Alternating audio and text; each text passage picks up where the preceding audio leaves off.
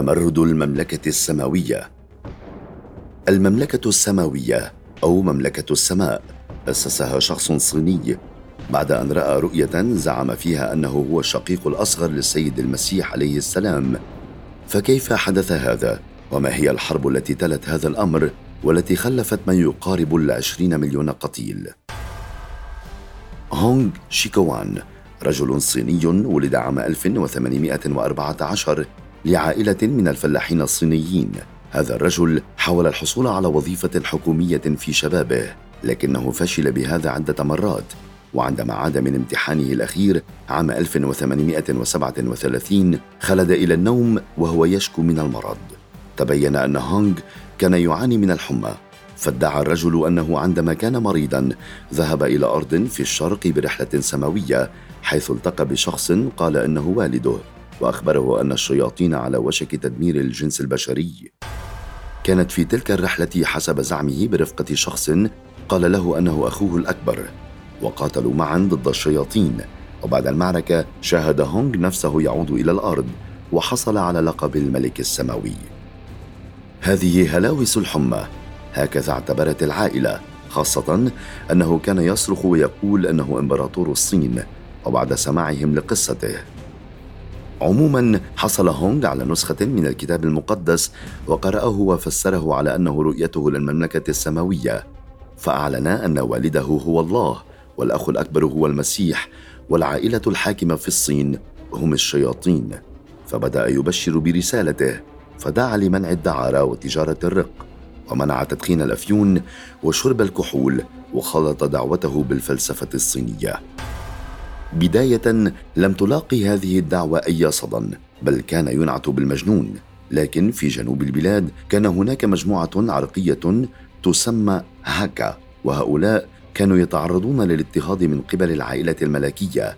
فلم يكن منهم إلا أن آمنوا بهونغ واتبعوه على أمل التخلص من الحياة السيئة التي يعيشونها خاصة مع وعوده بالمقاسمة وتوزيع الثروات. وجد هونغ نفسه فجأة زعيما لإحدى المجموعات المتمردة المتحمسة وهم الهاكا وبدأوا جميعا بنشر رسالتهم بين الفلاحين والفقراء والمهمشين وقالوا أن أساس هذا الحال السيء هو الأسرة الحاكمة. وبعد هذا الانتشار سرعان ما تشكل جناح عسكري تابع لهم لتبدأ أولى المواجهات مع السلطات الملكية الصينية وهذا عام 1850 ما يثير الذهول هو الانتصار الكبير الذي حققه هونغ وجماعته فسيطروا على مقاطعة تايبينغ الصينية خاصة أن عدد أتباعهم قد بدأ بالتزايد ووصل إلى المليوني شخص. فأعلن هونغ نفسه ملكا للمملكة السماوية وأطلق حملة سميت بتمرد تايبينغ لمهاجمة عاصمة البلاد. وبالفعل بدأ هذا التمرد بالهجوم على القرى والبلدات والمدن ولم يكن هجومهم رحيما أبدا فكان القتل من شيمتهم. فكان عدد الضحايا نحو 300 ألف قتيل في أول هجومين فقط.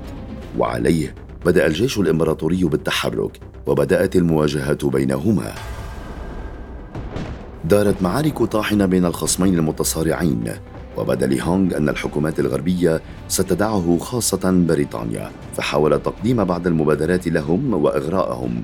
لكن هذا كان تصورا خاطئا على ما يبدو. عموما بقيت الدول الغربية على حياد من الصراع حتى رأت أنه من واجبها التدخل في هذه الحرب خاصة أن هذه الحرب قد استمرت لأربعة عشر عام. فلم تدعم القوات الغربية هونغ بل على العكس تماما دعمت العائلة الملكة الصينية بكافة أنواع الدعم المستطاع.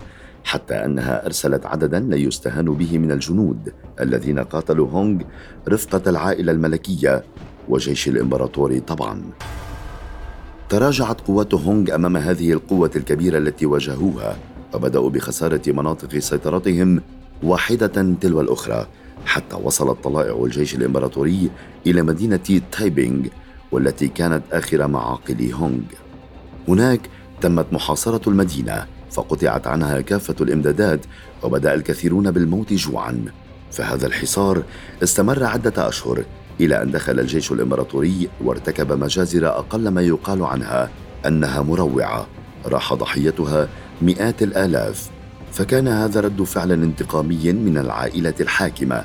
وما إن وصلوا لقصر هونغ حتى وجد ميتا عام 1864 عموما لم يعرف ما إذا قتل الرجل أم أنه انتحر.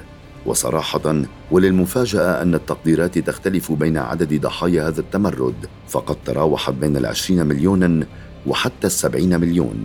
بمعنى أن هذه الحرب قد تكون أعلى حرب خلفت قتلى في التاريخ البشري.